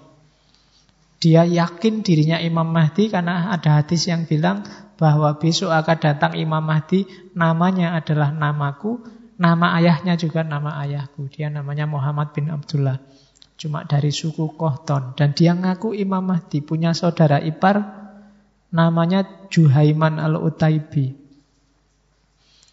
Ini dia bisa dua orang ini dan pengikutnya sekitar 500-an orang yang menganggap dia Imam Mahdi menaklukkan Masjidil Haram. Jadi satu ketika dia dan pengikutnya menyerbu Masjidil Haram, subuh-subuh dia sama pengikutnya masuk masjid sambil bawa senjata, terus diserbu masjid itu dikuasai semua jamaah masjid ratusan orang yang ada di dalam itu dipaksa untuk membaiat si Al-Qahtani ini. Kalau nggak mau dibunuh. Sekitar dua mingguan lebih saya lupa tahun 79 apa 80 Masjidil Haram itu dikuasai oleh mereka. Ratusan yang tewas dibantai di dalam masjid. Kamu nggak pernah dengar cerita ini mungkin ya. Coba kamu lacak di Google. Namanya Muhammad bin Abdullah Al-Qahtani. Dan saat itu polisi-polisi tentara-tentara Arab tidak berani masuk ke Masjidil Haram. Kenapa? itu tempat suci ya, masa dipakai perang? Susah dia. Jadi akhirnya apa? Mendatangkan pasukan Perancis. Syaratnya pasukan Perancisnya disuruh sahadat dulu. Ya, susah ya. Dirinya sendiri yang muslim tidak berani masuk. Akhirnya minta bantuan orang lain, tapi orang lain ini suruh sahadat dulu. Ben tadi Islam. Ya, lah. Jadi ratusan yang meninggal selama dua minggu dan bisa dapat pengikut lima ratusan orang itu kan luar biasa zaman itu. Karena dia apa? Rasa percaya dirinya tinggi, yakin 100% kalau aku itu Imam Mahdi. Dan orang diwajibkan ya, yakin. Sebenarnya kalau mau bertahan mati-matian mungkin korbannya lebih besar. Cuma kepercayaan para pengikutnya merosot karena ada hadis yang bilang nanti kalau ada tentara-tentara non-muslim datang, Allah akan mendatangkan pasukannya dari dalam bumi. Ada hadisnya begitu ada. Ini ditunggu-tunggu sudah diserbu pasukan Perancis yang dari dalam bumi kok tidak muncul-muncul. Akhirnya mulai tidak percaya sama Imam Mahdinya. Begitu nggak percaya ya jatuh sudah pendukungnya. Dan itu yang terjadi. Jadi percaya diri berani dengan resiko siap menerima resiko, baik resiko profesional apalagi fisik, dan mampu membuat jamaahnya berani berkorban. Enggak masalah. Yang penting demi si pemimpin yang karismatik ini. Dulu Indonesia punya Soekarno. Kalau dia berteriak revolusi, mengobarkan semangat, semua pejuang berani mati sudah. Jadi mendorong pengikutnya berani mengambil resiko. Dan ya pinter nyari strategi. Ibnu Tumat itu strateginya dia menjiplak sejarahnya Nabi. Nanti sahabatnya dibagi dua, ada muhajirin, ada ansor. Nanti dia melakukan hijrah. Dia pokoknya dia mengfotokopi jalan hidupnya Nabi. Ini bikin jamaahnya makin percaya. Wah ini memang Imam Mahdi beneran ini. Ceritanya persis kayak Nabi. Karena memang dia sengaja memfotokopi gayanya Nabi. Mulai nama sahabatnya, gerakannya. Yang tidak ditiru cuma istrinya. Ya. Mungkin seandainya total beliau punya istri sembilan kayak Nabi mungkin ya tambah yakin mungkin loh ya pengikutnya. Jadi itu yang cirinya seorang karismatik, percaya diri dan berani mengambil resiko. Hasilnya apa? Relasional. Jadi kekuatannya si karismatik si Imam Mahdi ini ya pada pengikutnya. Ini namanya apa? Kekuatan relasional. Kekuatan ketika dia dihubungkan dengan pengikutnya. Kalau pengikutnya sudah nggak percaya lagi, ya selesai dia. Jadi pengikutnya itu kagum, percaya, setia, menerima tanpa bertanya, mengafiliasikan diri, mengidentifikasi diri, akulah pengikutmu yang sejati dan sayang. Apa sayang bahasanya? Terjemahnya sayang, maksudnya cinta. Cinta itu kan sudah nggak peduli kiri kanan. Nggak peduli harus mundur dari MUI, nggak peduli harus dimarahi orang se-Indonesia, dikritiki. Yang penting imamku ini yang benar. Itu namanya relational power. Dan kekuatan si imam ini ya dari para pengikutnya ini sebenarnya. Sejago-jagonya Pangeran Diponegoro kalau nggak ada pengikutnya yang mau perang, ya nggak jadi perang.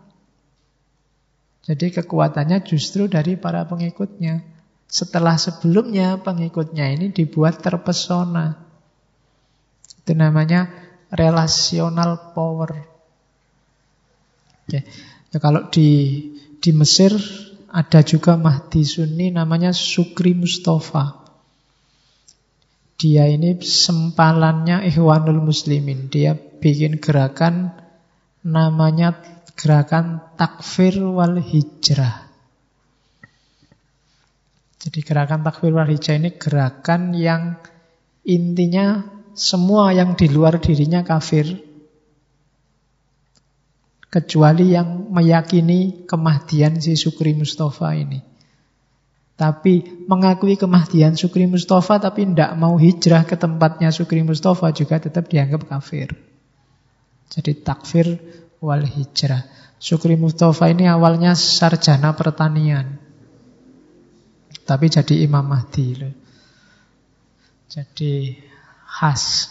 Kadang-kadang ada yang unik-unik seperti itu. Nanti dia Jamaahnya diwajibkan gaya hidup, gaya mikir harus sama kayak Nabi dan para sahabat. Sekolah haram. Nabi dan para sahabat nggak pernah sekolah. Iya, sekolah diharamkan. Jadi berarti kamu sekolah itu bid'ah sebenarnya. Tidak boleh. Katanya Sukri Mustafa begitu. Dan ilmu macam-macam itu tidak ada gunanya. Ilmu itu cukup tauhid sama fikih dasar sudah. Ditambah ilmu macam-macam itu nambah kacau, nambah ruwet. Sudah ngerti itu ya sudah, wis menikmati hidup. Kayak zaman para nabi dan para sahabat. Dia hidup di gunung-gunung. Tapi terus sebenarnya pengikutnya banyak. Cuma karena menyendiri uzlah, ada beberapa keluarga yang merasa keluarganya hilang. Itu yang bikin pemerintah turun tangan. Ada beberapa yang kemudian sadar turun gunung dan dibunuhi. Jadi yang yang semula anggotanya kok balik lagi ke keluarganya dibantai oleh Sukri Mustafa dan kawan-kawan. Di situ mulai dia berhadapan sama pemerintah Mesir. Sampai dia nanti menculik ulama besar Mesir Muhammad Hussein Al-Zahabi dan sukses membunuh sukses membunuh ya dan berhasil membunuh Muhammad Hussein Al-Zahabi dan dari situ terus pemerintah Mesir marah dan dilakukan pembasmian, dia ditangkap dan dieksekusi. Itu juga senjatanya klaim kemahdian, karismatik. Dan kekuatannya lagi-lagi ada di pasukannya, anak buahnya. Kekuatannya namanya kekuatan relasional. Oke, ya kayak kita ini kan ngaji ini kekuatannya namanya relational power. Aku sendirian nggak ada gunanya. Maksud aku ngomong dewe ning kene kaya wong edan. Ya, kalian juga nggak ada saya juga nggak ada gunanya. Kamu nongkrong di situ ngapain? Tak miri juga mesti nggak mau bikinin teh. Ini namanya apa? Kekuatan kita ini namanya kekuatan relasional. Tidak mungkin kita kuat sendirian, sukses sendirian. Harus bareng-bareng. Nah, di dunia sosiologi namanya relational power. Terus, nah, ciri paling menonjol dari karisma itu namanya breakthrough. Breakthrough itu terobosan. Situasi sumpek, krisis, dialah yang bisa nyari terobosan. Dialah yang bisa nyari jalan keluar. Inilah nanti yang bikin dia dicintai oleh pengikutnya. Sudah sumpek, utang banyak, bertumpuk-tumpuk, bayarnya gimana? Eh ada terobosan baru, penggandaan uang. Yo, kan terus seneng orang. Wah ini luar. Eh disuruh ngapain aja mau, ndak masalah asal uangnya jadi banyak. Nah itu breakthrough. Dengan breakthrough inilah dia bisa mengontrol kondisi saat ini. Dengan breakthrough, jamaahnya jadi semakin kagum. Dengan breakthrough, orang mau berjuang, mengorbankan diri. merendahkan dirinya. Gara-gara apa? Dia lihat terobosannya. Dulu Cokro Aminoto itu dianggap Imam Mahdi juga. Orang menggelarinya Heru Cokro. Jadi kenapa banyak melakukan terobosan-terobosan baru? Orang jadi kagum, tunduk, takluk. Cuma ya untungnya baik-baik. Makanya saya bilang di awal tadi, Weber belum membedakan ada karisma yang positif sama karisma yang negatif. Dia tidak ngomong ada karisma lurus dan karisma sesat. Yang bisa kayak gitu MUI, Weber cuma ngomong, ya Weber dia cuma ngomong ada fenomena karisma yang beda dengan otoritas tradisional, beda dengan otoritas legal. Dia ini menggerakkan masa sendirian dengan kekuatan karismatiknya. Dia ngomong apa, pengikutnya manut tanpa bertanya. Antara lain karena breakthrough-nya, karena terobosan-terobosan yang dia lakukan. Tanpa adanya breakthrough, ya orang tidak percaya. Kalau nggak ada breakthrough-nya, ya dianggap cuma ngomong. Kamu teriak-teriak revolusi tapi kamu sendiri tidur. Ya orang tidak percaya. Maka harus lakukan terobosan-terobosan. Namanya breakthrough. Dari situ kamu akan diposisikan jadi seorang yang karismatik. Oke. Nah, untuk bisa melakukan terobosan, maka pemimpin yang karismatik harus punya empat modal. Yang pertama, strateginya tepat. Salah ngambil strategi, sebagus apa pun terobosan, ya dia akan gagal. Ya kayak Ibnu Tumat misalnya memfotokopi jalan hidupnya Nabi. Nah, ini tepat. Karena bikin sentimen orang semakin dalam. Bikin pengikutnya semakin dekat. Semakin menganggap dia Imam Mahdi. Ini strateginya pas. Kalau strateginya keliru, bisa-bisa malah pengikutnya kabur. Nggak jadi ikut dia lagi. Jadi strategi harus tepat. Yang kedua, bisa memanfaatkan modal. Apakah itu modal sosial maupun modal personal. Bisa melihat potensi jamaahnya. Ya kalau jamaahnya petani-petani ya jangan diajak perang nyerbu negara. Ya mesti kalah. Kalau memang mau nyerbu negara ya dilatih dulu. Itu yang dilakukan oleh Mahdi Sudan, Ibnu Tumar. Lihat resourcesnya, kekuatan kita apa. Kalau kita cuma jamaah masjid biasa, ya tidak bisa kita demo dengan tuntutan menjatuhkan Jokowi, misalnya cah semene ya. Tidak ada yang dengerin. Nah, modal kita kurang. Jadi harus seorang yang karismatik, dia harus bisa membaca situasi sekelilingnya. Punya pengikut berapa, targetnya apa, strateginya bagaimana. Terus yang ketiga, pemimpin karismatik itu harus mampu memastikan transformasi. Harus pengikutnya merasa ada perubahan. Kalau tidak, dalam jangka waktu tertentu dia akan ditinggal.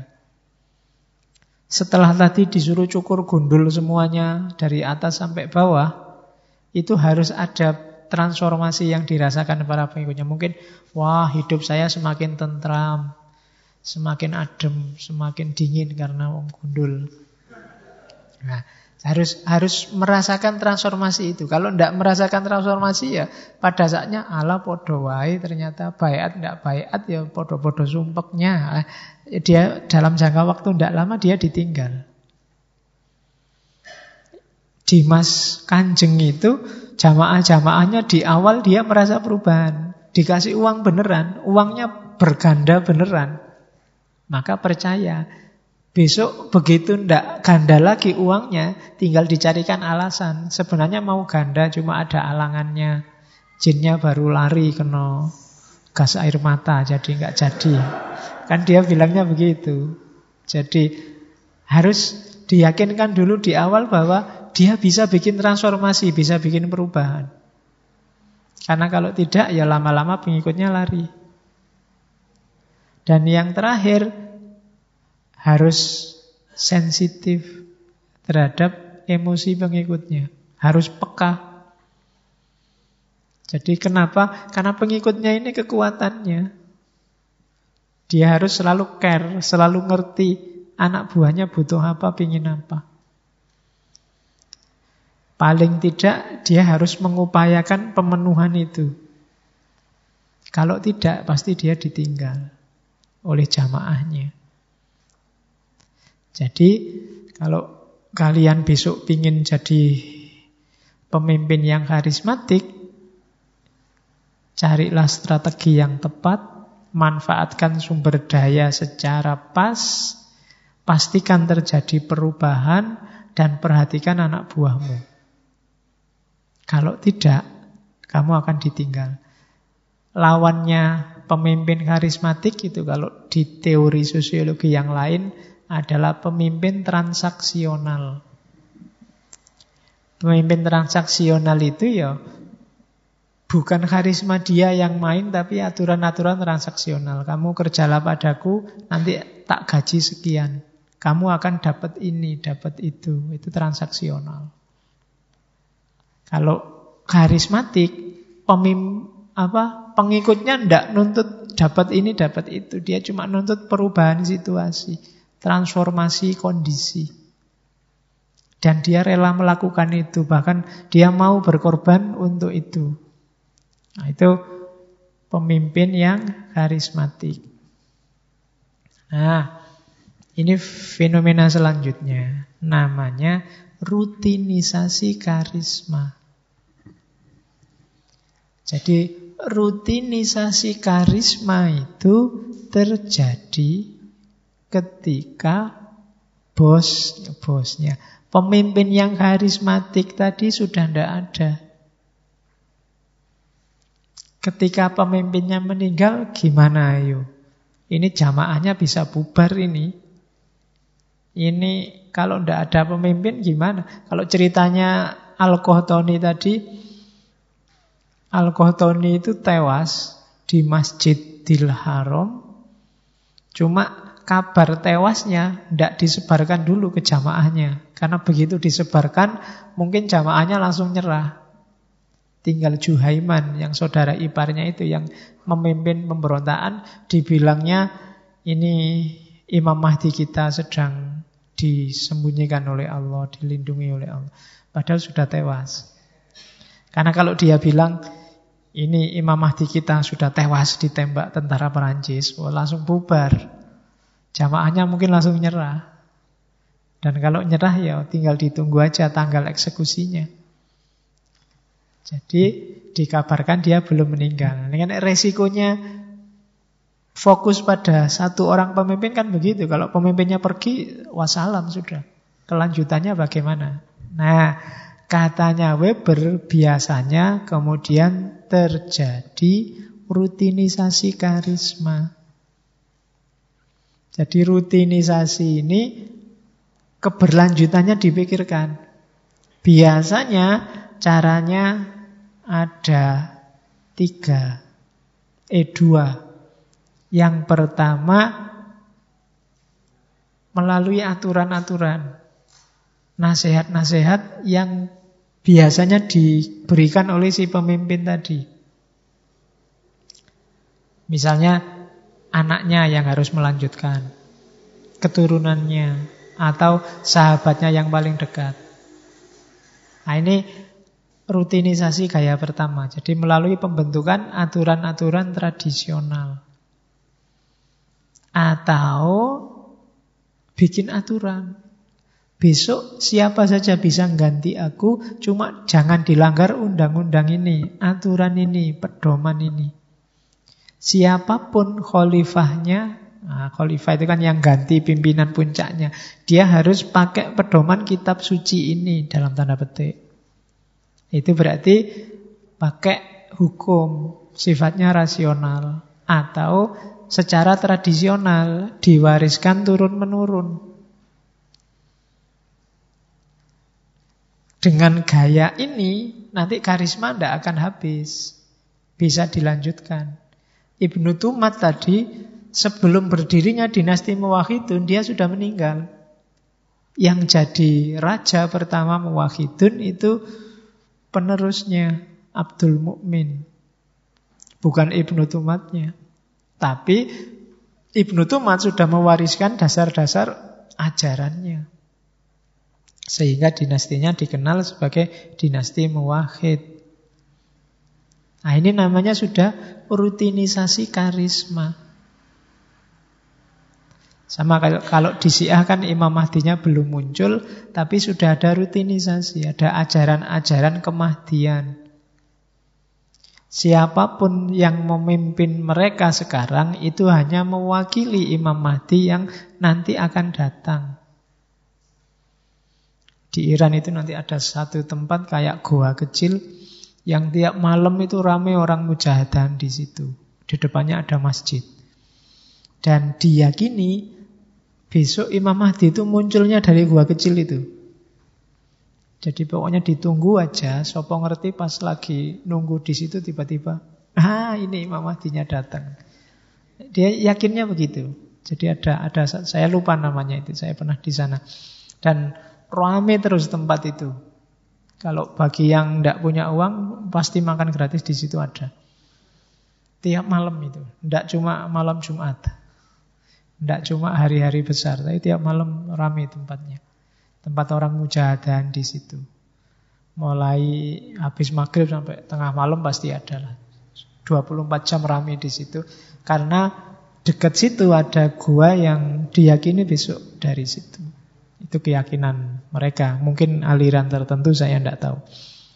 Tapi itu jenis rutinisasi. Semua yang mewakili sebelum Imam Mahdi datang, ini kan menjalankan ajaran-ajaran konsep kemahdiannya.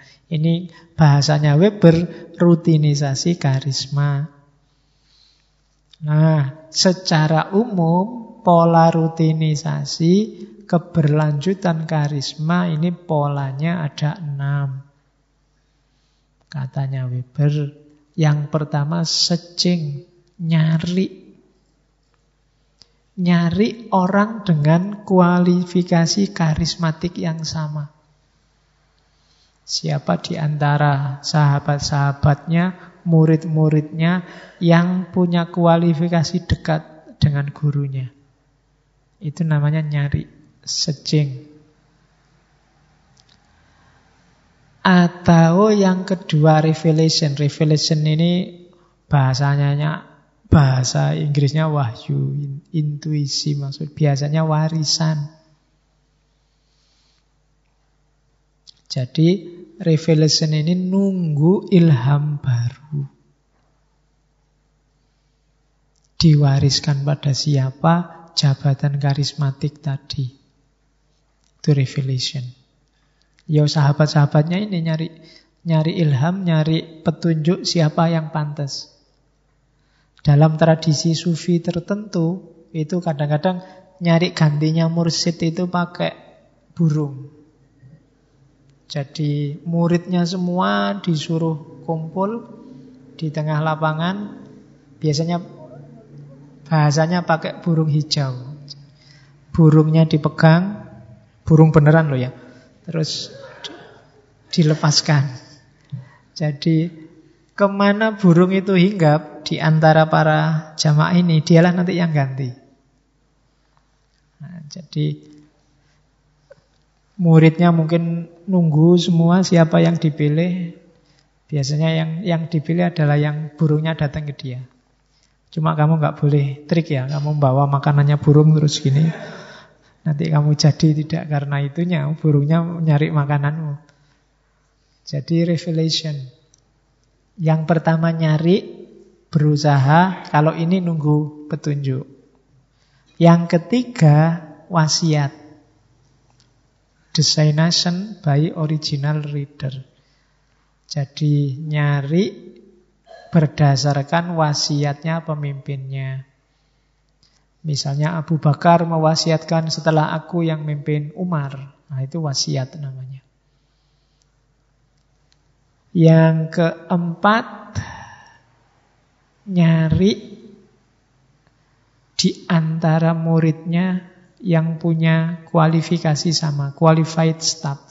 Jadi designated by qualified staff. Kalau tadi yang milih pemimpinnya, kalau ini yang milih formatur staf-staf yang dianggap mewakili pemimpinnya, zaman pemimpinnya masih hidup. Misalnya, ya contohnya kayak zaman dari Umar ke Utsman itu kan bikin semacam formatur terus milih. Terus yang kelima warisan, hereditary karisma. Sultan meninggal yang melanjutkan anaknya. Itu warisan berarti. Kaisar meninggal dilanjutkan oleh anaknya. Kayak di Jepang, itu modelnya warisan. Dan terakhir, ini yang modern, namanya office karisma. Bukan kantor karisma. Office karisma ini ketika karisma dijadikan formal. Bikin ADART, Nah, bikin ADART-nya torekot. Kok torekot apa? Gerakan milenerian, gerakan Imam Mahdi, gerakan karismatik ini oleh anak buahnya dibikin biasanya semasa tokoh karismatik ini masih hidup dibikin seperangkat aturan yang berhak jadi pemimpin ini ini ini cara milih pimpinan ini ini ini pemimpin harus punya watak ini ini dan seterusnya ini namanya office karisma. Dibikin aturan birokrasi. Jadinya rasional. Nah, itu akan berlanjut begitu. Kalau tidak ada enam ini ya berarti putus. Akan terjadi chaos, kacau. Kenapa?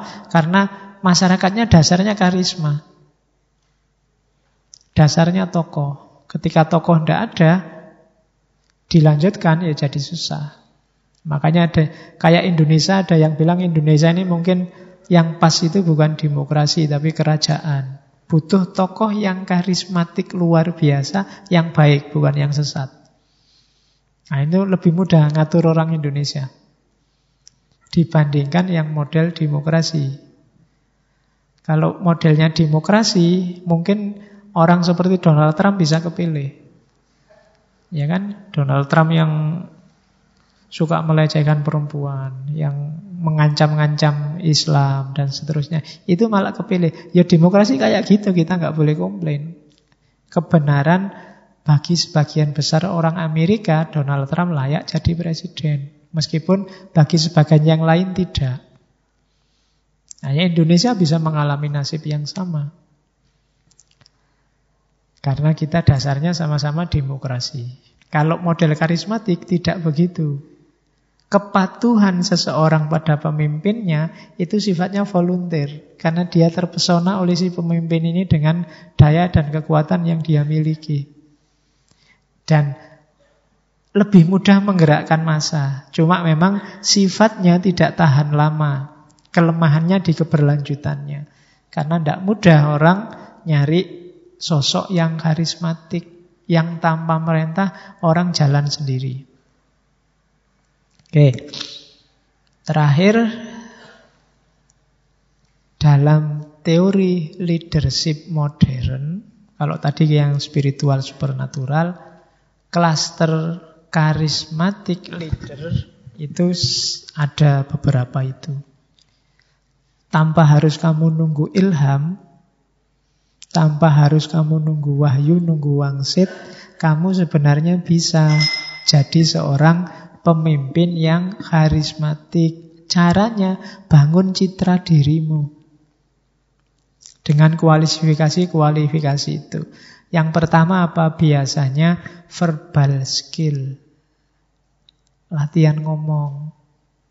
Pemimpin karismatik itu kalau ngomong enak. Kayak Soekarno itu orang betah berjam-jam dengerin dia pidato. Kalau kamu ngomong tidak bisa, ya latihanlah. Tidak mungkin kamu jadi pemimpin karismatik kalau ngomong belepotan. Yang kedua, self confidence, percaya diri. Kalau kamu minder, tidak mungkin jadi pemimpin karismatik. Yang perempuan juga begitu. Tidak ada syaratnya karismatik itu harus laki-laki. Perempuan bisa. Bahkan banyak laki-laki yang tunduk di depan perempuan. Contohnya banyak dalam sejarah. Ada ratu-ratu perempuan yang luar biasa. Terus yang ketiga inspires trust. Pemimpin seseorang yang membangkitkan kepercayaan. Orang percaya, jadilah orang yang bisa dipercaya. Kalau kamu sendiri mencela-mencele, tidak konsisten, mungkin kamu bisa jadi pemimpin tapi tidak akan jadi pemimpin yang harismatik. Jadi pemimpin harus inspire trust. Yang keempat, berani ngambil resiko. Pemimpin harismatik bukan penakut. Tidak karena ditekan siapa pun, terus dia ganti pendapat. Tidak. Dia berani ngambil resiko. Tidak karena ada bahayanya, terus dia membatalkan rencana. Tidak. Dia high risk orientation. Kalau kamu ingin jadi pemimpin yang karismatik, harus berani. Jangan penakut. Terus Pemimpin yang harismatik itu high energy action orientation. Penuh semangat. Jangan kelemak-kelemek. Jangan ya melempem. Kayak saya ini tidak mungkin jadi karismatik dong. Raiso teriak-teriak tidak bisa menyemangati orang. Ya kalian kalau ingin jadi pemimpin karismatik harus high energy, full of energy. Lah kalau pemimpinnya lemes ya jangan anak buahnya ya mesti di bawah itu lemesnya. Kalau pemimpinnya putus asa, aduh gimana lagi ya ini sudah. Kita nyerah aja ya, ya sudah. Kalau pemimpinnya sudah kayak gitu ya ndak ndak ndak mungkin anak buahnya bisa lebih dari itu. Terus pemimpin karismatik itu relasional power base. Relasional power base itu menyadari kekuatan relasionalnya. Meskipun dia yang punya karisma, dia sendiri sadar bahwa tanpa anak buahnya, tanpa pengikutnya, dia bukan apa-apa. Maka dia care sama pengikutnya, dia peduli sama pengikutnya, dia peka, sensitif sama kebutuhan pengikutnya. Kemudian Pemimpin harismatik itu minimum internal konflik. Bisa meminimalisir konflik di dalam. Kalau di dalam aja konflik ruwet ya jangan mikir bisa bangkit jaya mengatasi yang lain. Kalau di dalam sendiri masih benturan ya jangan berharap bisa lahir pemimpin yang harismatik yang mengungguli kelompok-kelompok sosial yang lain. Kemudian pemimpin karismatik itu memberdayakan. Jadi tidak bikin orang kehilangan daya, tapi bikin orang dayanya meningkat. Kalau gara-gara pemimpin kok kamu jadi lemes, ah semua diambil pemimpin, aku tidak dapat apa-apa. Ah, itu berarti dia tidak empower harus empower others, menguatkan, memberdayakan. Kemudian pemimpin karismatik itu self-promoting. Ini terjemahannya agak rumit. Self-promoting itu lawannya pencitraan. Kalau pencitraan, kamu sengaja mencitrakan dirimu biar kelihatan jadi sosok yang karismatik. Tapi self-promoting itu karismamu sendiri, itu otomatis jadi bahanmu, tampil bahanmu promosi. Dia tidak narsis tapi memang tampil apa adanya itu loh sudah besar. Tanpa harus dicitra-citrakan jadi orang baik, dia sudah kelihatan baik. Itu self-promoting. Tanpa harus mencitra-citrakan diri sebagai orang pinter, orang canggih, orang cerdas, orang berkualitas. Orang sudah melihatnya sendiri dengan segala kualitas itu. Meskipun kadang-kadang disembunyi-sembunyikan, nggak mau tampil, nggak mau sombong, tapi sudah kelihatan sendiri. Itu namanya self-promoting. Tanpa harus kamu tiap hari bikin selfie, di-upload di Facebook, orang sudah ngerti kalau kamu cakep. Itu self-promoting. Tanpa harus kamu foto dari kiri, dari kanan, dari sini, yang paling bagus mana ya, terus di-upload. Tanpa harus begitu, diambil dari mana saja, asal moto dan hasilnya bagus, itu self-promoting. Jadi, tanpa niat untuk pamer, orang sudah ngerti kebesaranmu. Dan yang terakhir, pemimpin yang karismatik itu visioner. Visioner berarti ya orientasinya ke masa depan. Tidak berhenti di masa kini, ke kondisi yang lebih baik di masa depan. Kalau kalian punya karakter 10 ini, kalian punya bakat jadi pemimpin yang karismatik. Atau besok kalau kamu mau pingin milih pimpinan, Cari dengan kualifikasi 10 ini. Carilah yang verbalnya bagus, visioner, bisa dipercaya, percaya diri 10-10-nya. Ya kalau nggak ada pilihlah 10 pemimpin sekaligus dipimpin bareng-bareng orang dengan kualitas ini. Karena kita butuh ini untuk menaikkan level kehidupan sosial kita. Karismatik, leader, karakteristik. Oke, sudah jam 10. Saya kira itu dulu tentang sosok manusia istimewa, karismatik, leader. Minggu depan kita ketemu dengan Muhammad Iqbal, insan kamil. Muhammad Iqbal ini teori insan kamilnya semacam mengislamkan Superman-nya Nietzsche kemarin. Kita lihat seperti apa. Kemudian minggu depannya lagi kita ketemu konsep intelektualitas manusia istimewa yang lain dari Ali Sariati, Rausan Fikr. Dan nanti minggu terakhir November, minggu kelima, Rebu kelima, kita tutup dengan insan kamil yang lain, cuma yang punya konsep Ibnu Arabi. Jadi manusia istimewa ada lima. Superman, karismatik, insan kamil, Iqbal, rausan fikirnya Ali Syariati, dan insan kamilnya Ibnu Arabi. Oke, saya akhiri sekian. Kurang lebihnya mohon maaf. Wallahul muwafiq. Wallahu a'lam bisawab. Wassalamualaikum warahmatullahi wabarakatuh.